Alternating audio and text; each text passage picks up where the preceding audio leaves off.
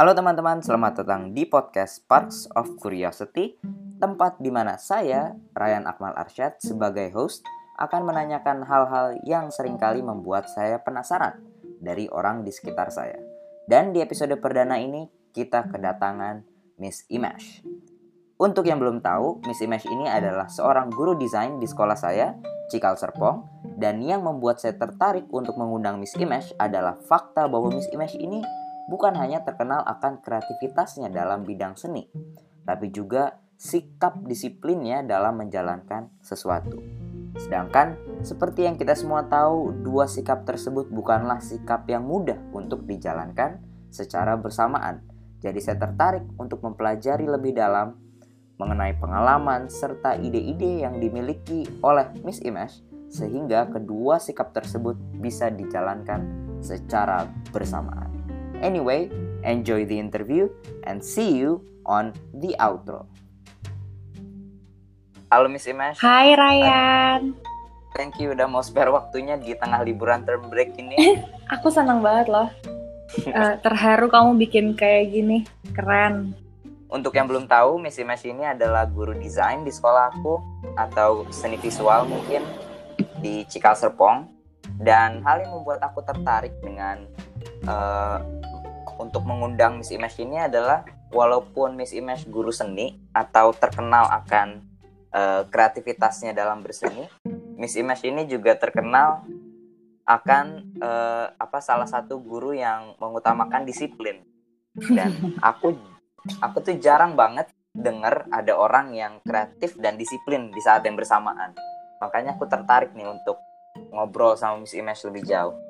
Oke. Okay. Uh, sebelum kita ngebahas topik utama apa kreativitas dan disiplin lebih jauh, aku tuh percaya aku, seseorang itu terbentuk dari masa kecilnya. Nah, aku penasaran dong Miss, kira-kira masa kecil apa sih atau momen apa sih yang membuat Miss akhirnya tertarik di bidang seni dan memutuskan untuk mengajar di Cikal Serpong sebagai guru desain. Oke, okay. berarti mungkin cerita dikit soal uh, latar belakang aku ya Ryan. Aku itu uh, anak ketiga dari tiga bersaudara. Kakakku tuh kakakku laki-laki dua-duanya dan jaraknya agak jauh. Ya agak jauhnya itu kayak 6 tahun sama 8 tahun gitu lumayan lah. Nah, uh, kata orang biasanya kan kalau misalnya anak paling kecil terus kayak cewek sendiri lagi gitu kan itu pasti uh, dimanjain gitu nah tapi kebetulan tuh uh, papaku tipenya nggak yang kayak gitu papaku tuh tegas hmm. banget tipenya gitu jadi uh, apa namanya uh, dari kecil udah kebiasa gitu kayak uh, mesti um, ada apa ya beberapa boundaries yang diikutin lah gitu. Itu mungkin sedikit banyak yang membentuk uh, kedisiplinan gitu ya. Tapi kalau untuk interest sama artnya sendiri, uh, menurutku aku mulai terbentuk kayak itu di saat aku SMA. Jadi aku SMA itu kebetulan di Alizar. Nah di SMA aku itu adalah sekolah yang cukup mengutamakan kreativitas juga jadi kalau dulu tuh nggak terlalu banyak sekolah yang kayak gitu. Um, dulu tuh sekolah mostly ya akademis gitu. Uh, nilai akademis itu dalam arti ya apa ya kayak matematikanya, sainsnya, um, IPS, bahasa gitu-gitu sih. Berarti mirip Cikal ya? Sebenarnya mirip Cikal, tapi kalau dulu sekolahku masih uh, masih mementingkan nilainya juga, Ryan angkanya, hmm, tapi uh, udah mulai luas. Jadi nggak yang diutamain tuh nggak cuman pelajaran kalau kita mungkin sebutnya core gitu ya, kayak pelajaran-pelajaran inti yang dulu diujianin deh gitu. Tapi yang diutamain juga tuh seninya. Jadi aku dapat eksplorasi tuh banyak banget kayak um, sebanyak dan sedetail kalau aku mau ambil seni rupa itu ada banyak kelas, ada ngebatik, ada fashion design, ada um, seni rupa murni, ada apalagi waktu itu ya, ada macam-macam deh. Jadi uh, seluas itu scope-nya gitu itu yang uh, membuat aku uh, cukup terekspos dengan uh, ragam seni sih gitu kayak oh ternyata tuh bisa ya kayak kita tuh fokus di suatu seni seperti ini. Dulu tuh aku juga cukup ini sih, aku jadi ambilnya macam-macam. Jadi aku pernah ada tahun kayak kelas 3 SMP, eh sorry 3 SMA itu tuh aku explore seni musik. Tapi kelas 2 SMA aku explore seni rupa gitu. Jadi uh, ya sama mungkin seperti uh, Ryan sekarang biasanya nggak semua anak kan waktu SMA udah tahu mau ke mana gitu ya. Jadi emang aku gunakan kesempatan itu untuk eksplorasi yang banyak gitu. Nah dari situ baru deh aku ternyata tahu bahwa aku tertarik untuk uh, kuliah seni gitu. Jadi wak akhirnya waktu dari SMA itu aku kuliahnya aku mendaftar di UPH untuk uh, desain komunikasi visual. Kenapa aku daftarnya desain komunikasi visual? Uh, karena aku nggak terlalu suka juga kalau yang terlalu um, apa ya terlalu strict gitu orang jadi kayak kalau dulu tuh dibayangin aku hmm. kayak kalau arsitek sama desain produk sama desain interior itu tuh udah pasti um, I have to deal with um, so much um, numbers and specification gitu kan di mana aku tuh tipenya lebih suka yang uh, eksplorasi gitu itu, itu yang membuat aku akhirnya memilih uh, jurusan yang aku jalani sekarang Hmm. Aku dulu juga sempat ini sih Miss apa kalau tadi Miss ngomongin jurusan dulu kan aku juga pernah ada di posisi apa kayak strict banget sama art bahkan udah apa udah spend waktu bener-bener untuk nyari jurusan kuliah nah salah satu yang aku pikirin juga DKV sih okay. saat itu kalau Ryan apa eh, suka ini ya, suka ngedesain apa ya grafisnya gitu ya? Uh, iya, okay. aku lebih suka visualnya. Oke. Okay. Itu sih. Nah, tapi aku oh, tuh iya. dulu kayak um, jadi eksplorasi tentang pekerjaan ya, ibaratnya ya. Pekerjaan tuh nggak sebanyak sekarang gitu Ryan. Jadi aku dulu sebenarnya juga agak gambling aku masuk ke jurusan DKV hmm. tanpa aku tahu uh, secara spesifik nanti aku mau jadi apa dan apa aja opportunity yang terbuka di sana karena saking luasnya kan maksudnya kalau misalnya um, desain uh, interior atau desain produk atau arsitek itu kan kayak udah spesifik ya aku yeah. udah udah tahu gitu kayak oh itu pasti nanti ketika lulus pekerjaannya adalah ini gitu kan. Nah tapi waktu aku join ke DKV itu aku tahu akan banyak yang dipelajari tapi saking banyaknya sebenarnya aku jadi kayak jadi nanti oh, ngapain ya gitu yang yang dikerja iya aku aku bakal kerjanya uh, apa ya gitu kalau dulu cuman taunya kalau belajar desain itu uh, advertising udah gitu aja nah hmm. tapi ternyata waktu kuliah aku tahu lebih dalam lagi banyak banget ternyata benar-benar sangat-sangat banyak uh, apa ya peluang yang bisa dijalankan dengan kuliah si desain um, komunikasi visual itu. Uh, berarti kalau yang aku dengar dari cerita Miss ya, namanya Miss itu lebih uh, apa masuk ke arts gara-gara terekspos dengan media. Kan? Betul. Berarti lebih ke nurture ya Miss daripada nature. Betul. Hmm, kalau kalau menurut Miss sendiri nih antara hubungan dua ini karena apa ya aku juga sebagai apa aku pernah lagi fok, pernah fokus banget di bidang mm -hmm. arts terus pasti kan pertanyaan yang sering ditanyakan adalah salah satu pertanyaan yang sering ditanyakan itu kamu itu bakat atau karena biasa gambar jadi jago gambar kalau menurut Miss itu gimana? Oke, okay. aku mau mematahkan itu dulu ya karena uh, aku itu nggak bisa gambar. Jadi aku hmm. bukan masuk ke jurusan uh, desain komunikasi desain komunikasi visual karena aku bakat atau aku jago atau aku kebiasa gitu.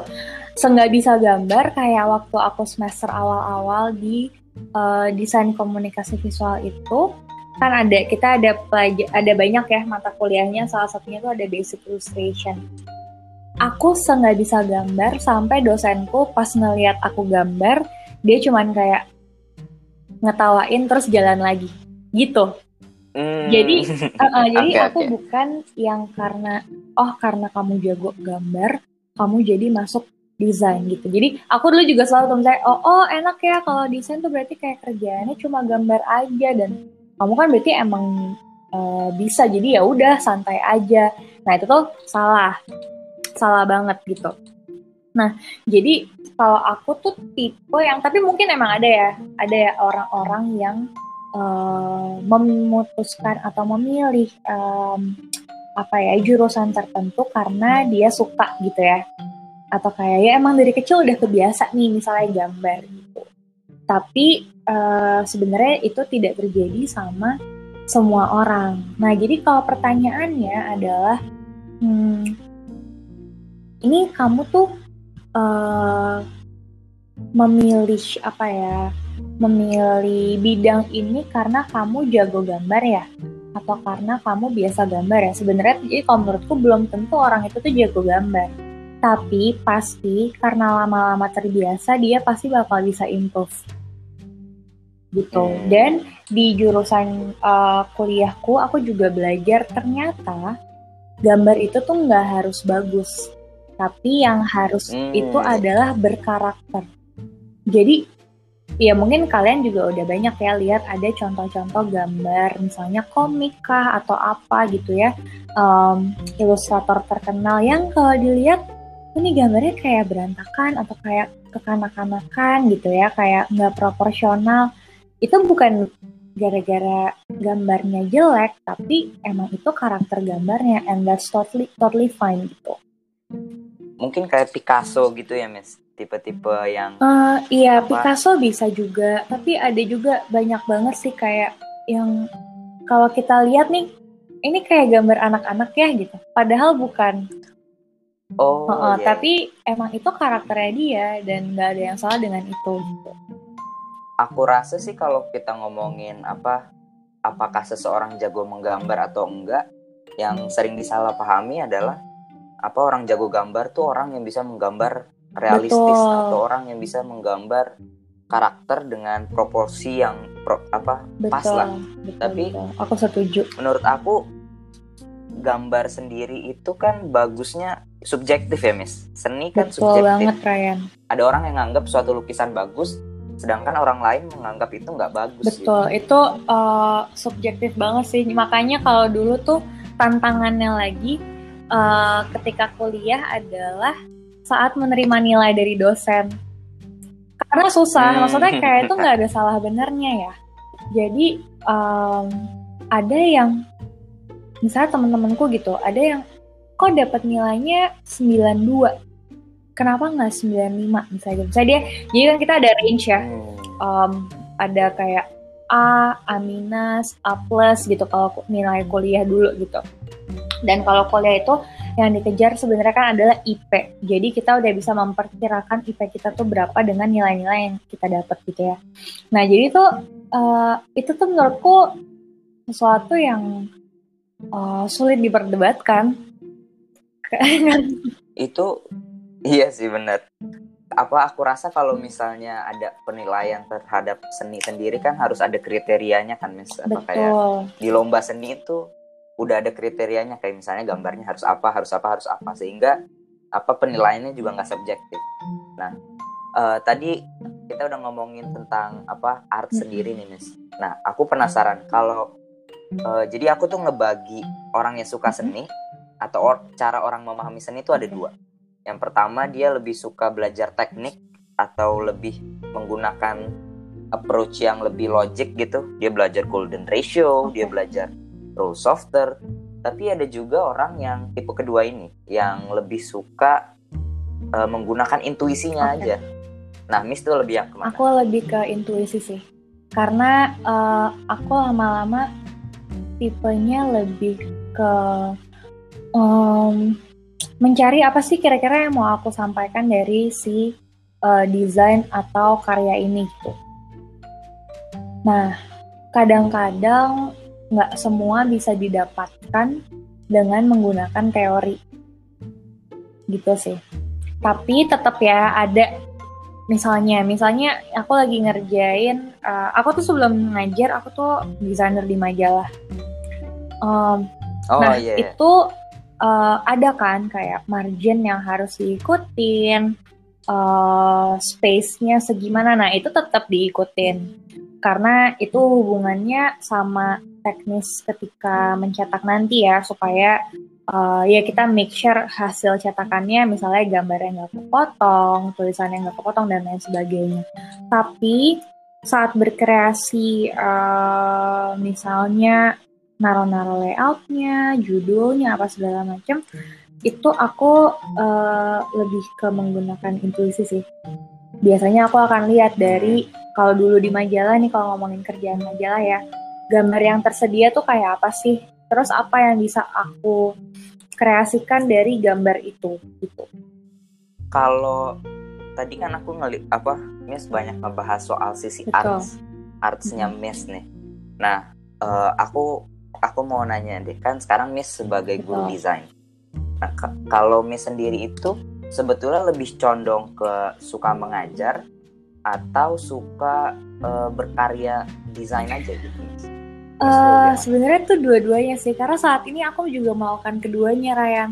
Um, aku ngajar kan, tapi aku tetap ngambil banyak kerjaan freelance untuk uh, mengasah dan me, apa ya ngekip lah si uh, skill dan kreativitas aku juga gitu. Karena emang berasa sih dulu sempat awal-awal baru ngajar itu aku nggak ngambil uh, side job gitu ya istilahnya itu tuh ketika aku megang InDesign lagi, ketika aku megang Photoshop atau Illustrator gitu, hmm. uh, beda sih.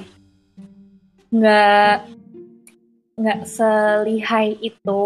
Terus habis itu, uh, ya mungkin sama kayak kalau ini ya, kayak kalau orang kelamaan nggak megang kuas, ibaratnya gitu ya, kalau misalnya melukis gitu.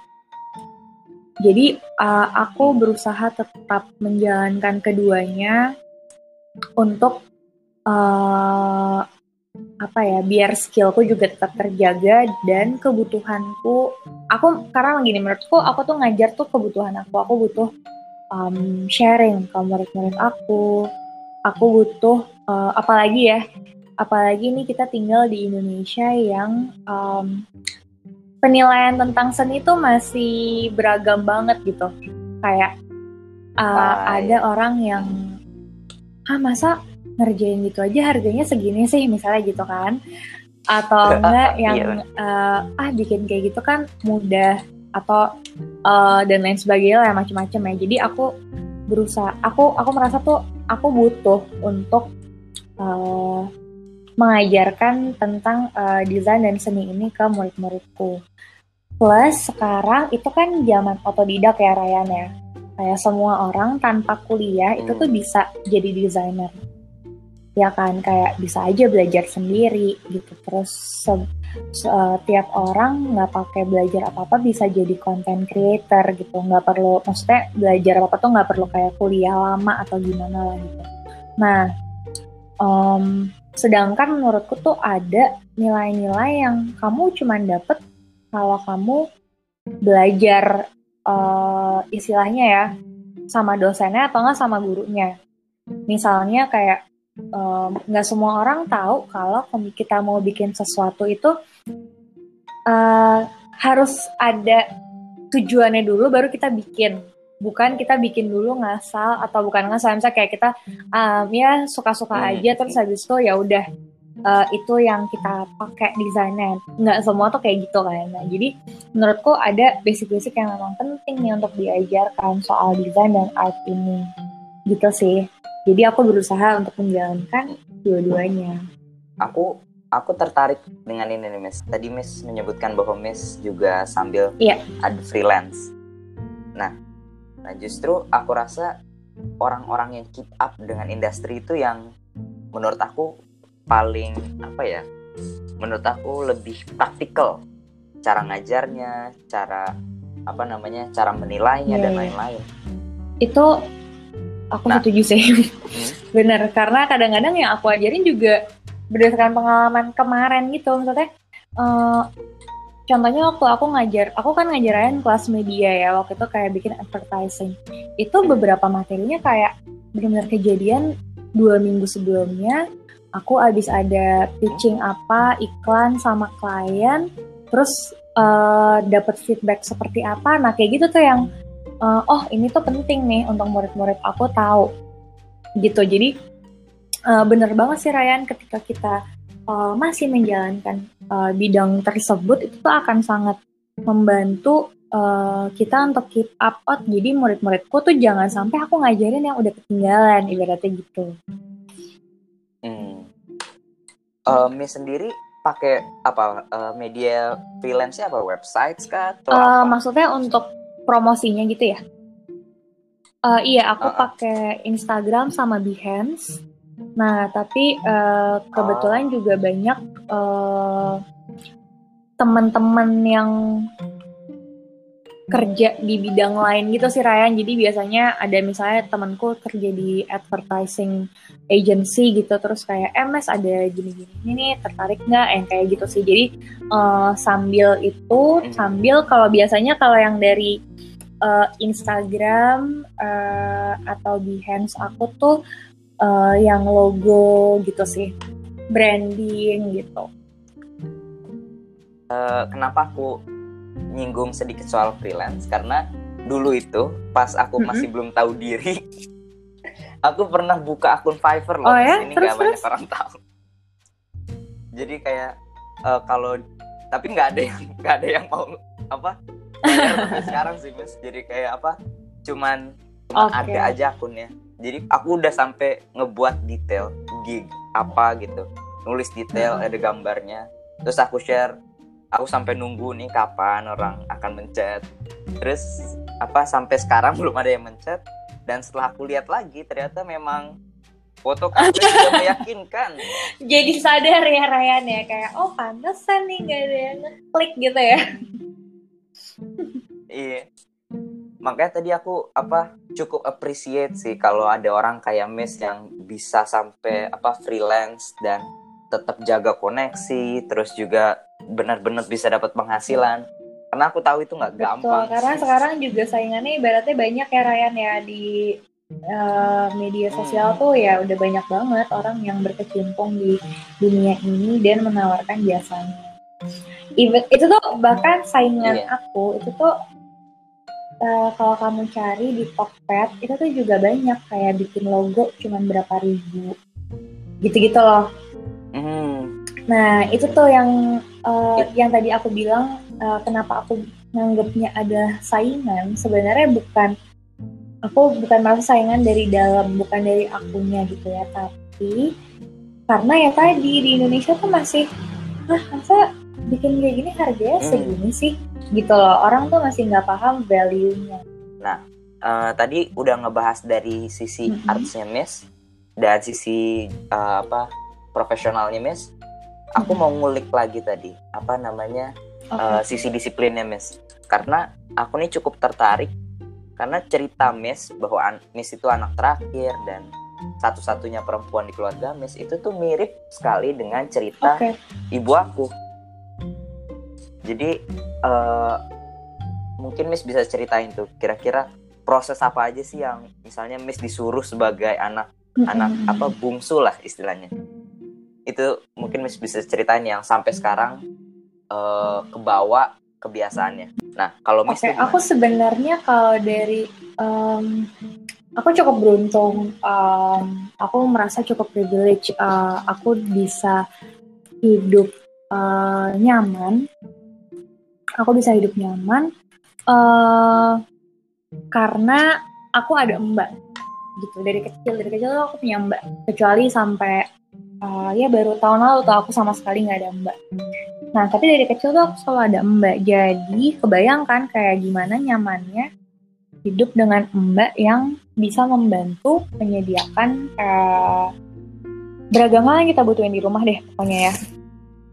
Nah, papa mamaku tuh kerja, papa mamaku tuh kerja kantor baru pulang malam. Jadi bisa dibilang tuh ya anaknya anak mbak gitu ya. Maksudnya yang yang lebih sering berinteraksinya tuh dengan mbak. Um, tapi mungkin karena itu ya karena justru karena orang tuaku bekerja di kantor uh, aku jarang ada waktu yang dimanja-manjainnya di rumah gitu loh. Ibaratnya gitu ya. Jadi hmm. uh, apa namanya ya kalau uh, butuh sesuatu gitu ya maksudnya ya yang dibantu mbak kan lebih ke apa ya uh, makanan minuman mungkin kayak gitu disediainnya ya gitu. Cuman kalau hal yang lain ya berarti uh, itu uh, partnya aku. Sampai uh, waktu SMP itu ayahku meninggal. Nah itu agak-agak jadi uh, turning point gitu sih. Karena uh, kan oh, iya berarti... karena kan karena ayahku meninggal mamaku harus kerja sendiri karena dulu aku masih SMP kakak aku masih kuliah kan gitu. Nah jadi dari situ hmm. tuh uh, udah dapet uh, apa ya ibaratnya role modelnya gitu ya kayak harus uh, kerja keras nih gitu. Dan dulu yang membuat aku disiplin juga ini kalau dari uh, dulu aku sekolah ya gitu dari TK. Jadi aku um, kan kami ada mobil tuh satu. Jadi itu barang-barang tuh Ryan. Uh, papa mamaku ke kantor sama aku dan kakak-kakak sekolah.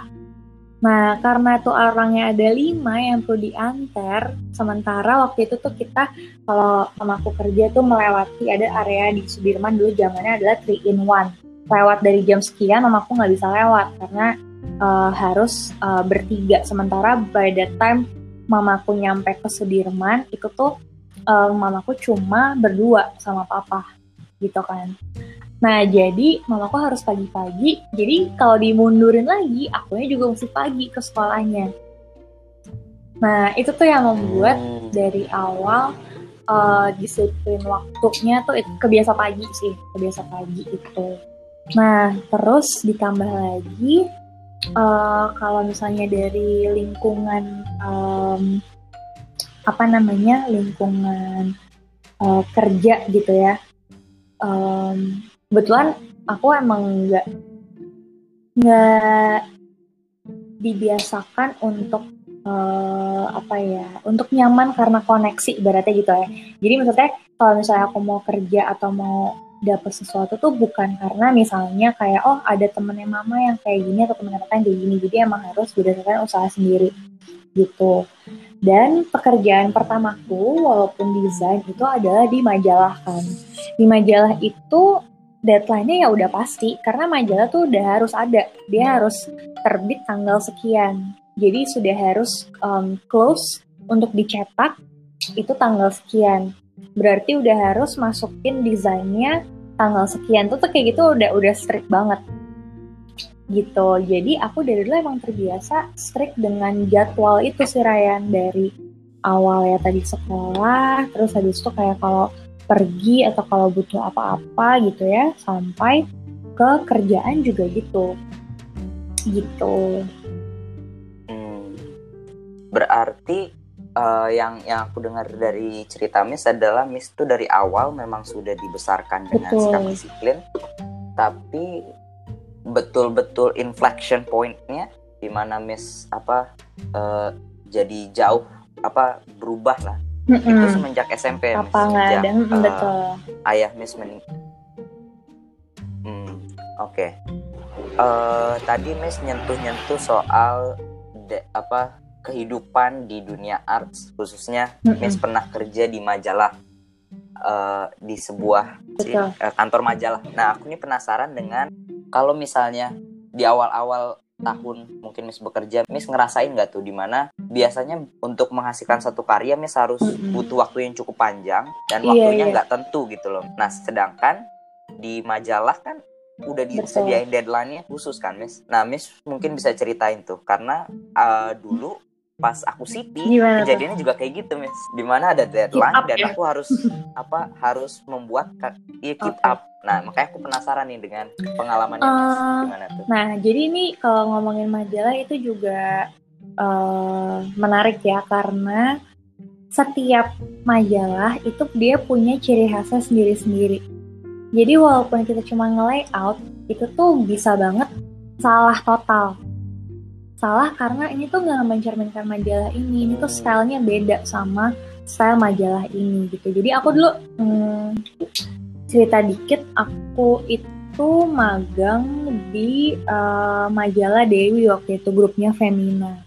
Nah, di situ itu kan pertama kali itu berarti aku berkecimpung di dunia editorial ya, uh, maksudnya uh, yang ini ya uh, dunia kerja gitu ibaratnya.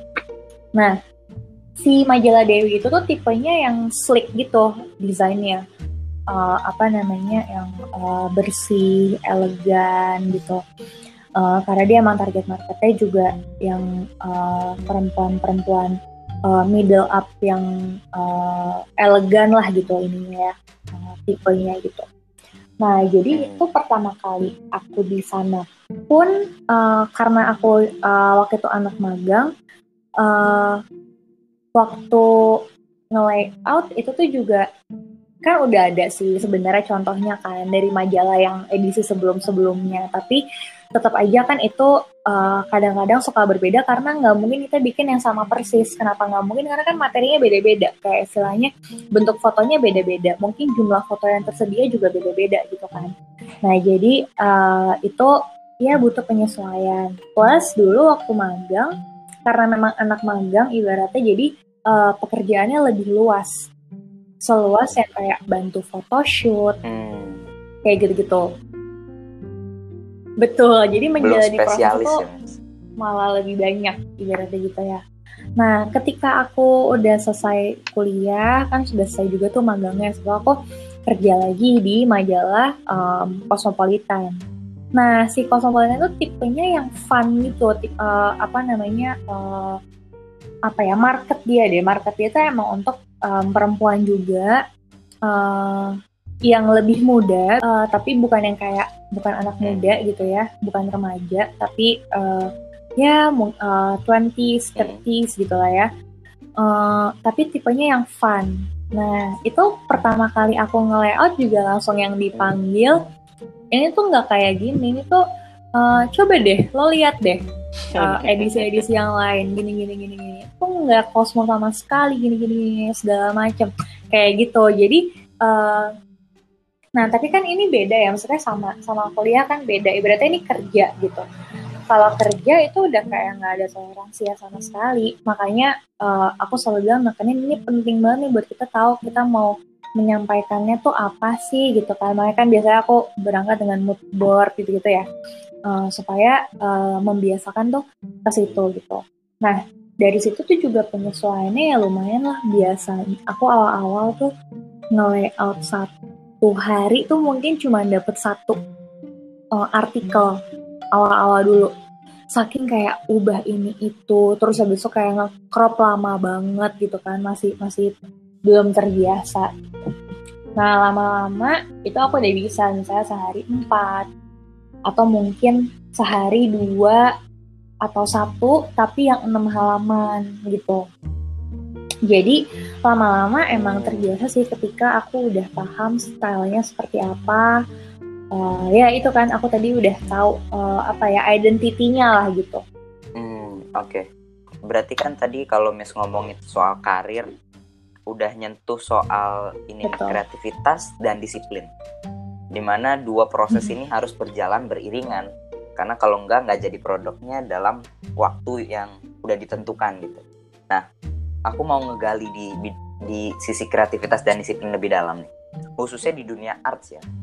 Uh, aku nggak tahu sih ini masih ada atau enggak. Tapi ini yang aku dengar dari orang-orang di sekitar aku. Jadi ada sebuah stigma yang diberikan kepada orang arts. Stigma bahwa mereka itu nggak realistis. Dan nggak disiplin nah menurut Miss itu gimana tuh? Uh, Oke, okay, jadi kalau menurutku ya ada ada beberapa tipe pekerja seni sih memang.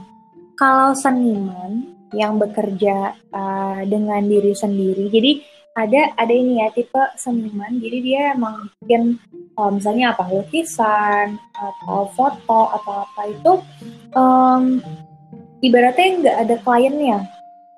Jadi uh, dia yang menentukan hmm. sendiri konsepnya, terus kayak oke okay, um, mau bikinnya kayak gini segala macam Uh, dan itu biasanya dia sendiri yang menentukan deadline-nya.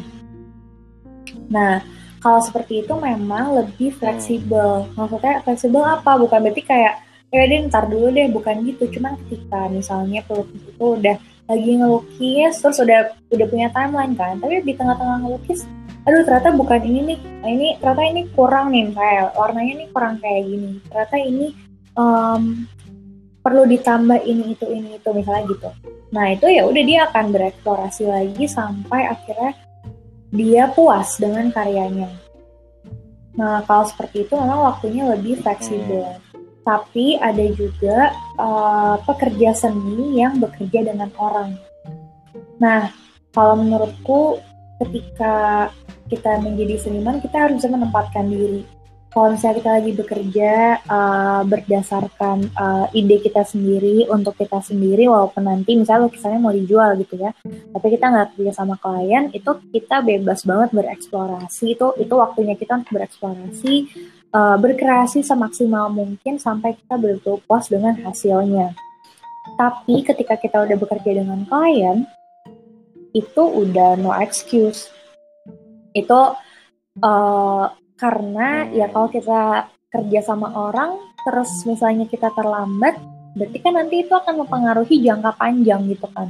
Misalnya dia perlu promosi yang jadi promosinya telat terus nanti iklannya keluar telat jualannya jadi telat misalnya gitu atau enggak misalnya dia perlu cetak cetaknya jadi telat terus nanti rilisnya jadi telat um, uh, apa namanya uh, dapat uangnya mereka jadi telat juga gitu ya misalnya.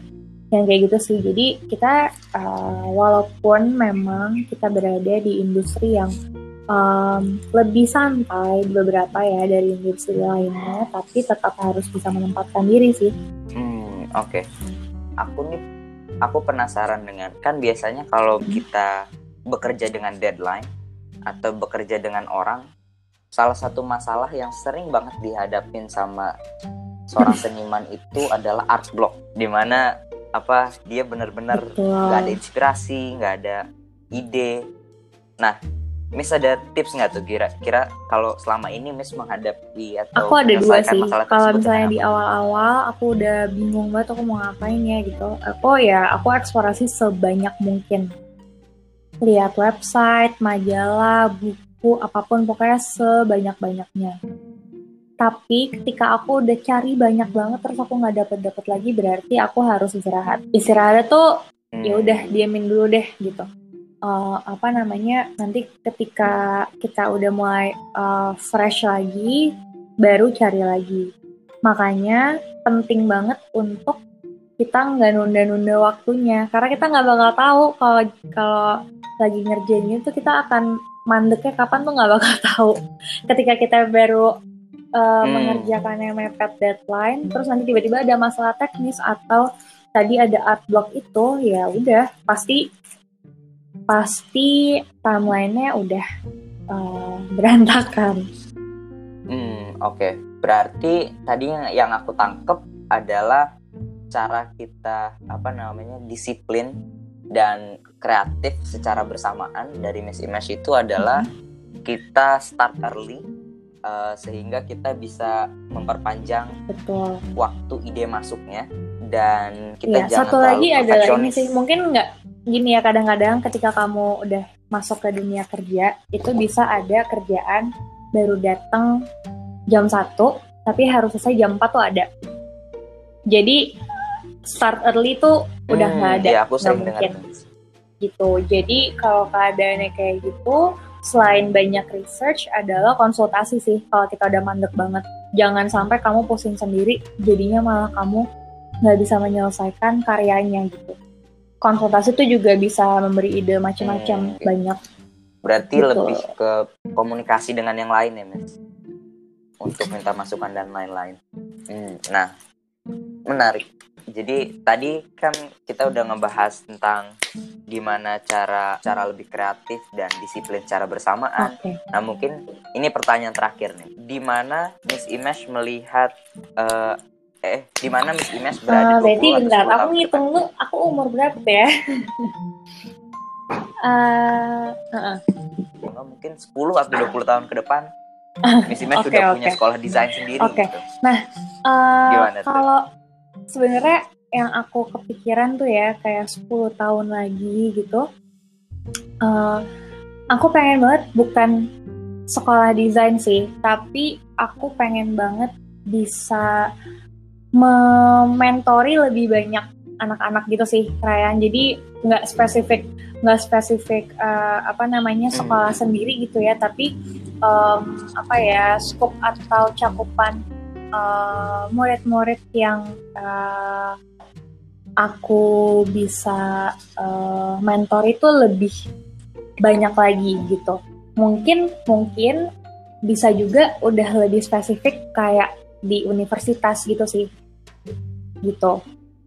Itu pertama. Kedua, uh, aku pengen banget tetap masih mengerjakan uh, iklan-iklan gitu sih. Jadi aku kebayang mungkin nanti aku udah bisa lagi mengerjakan banyak iklan-iklan besar uh, di TV hmm. atau yang kayak bahkan masuk bioskop yang kayak gitu-gitu sih.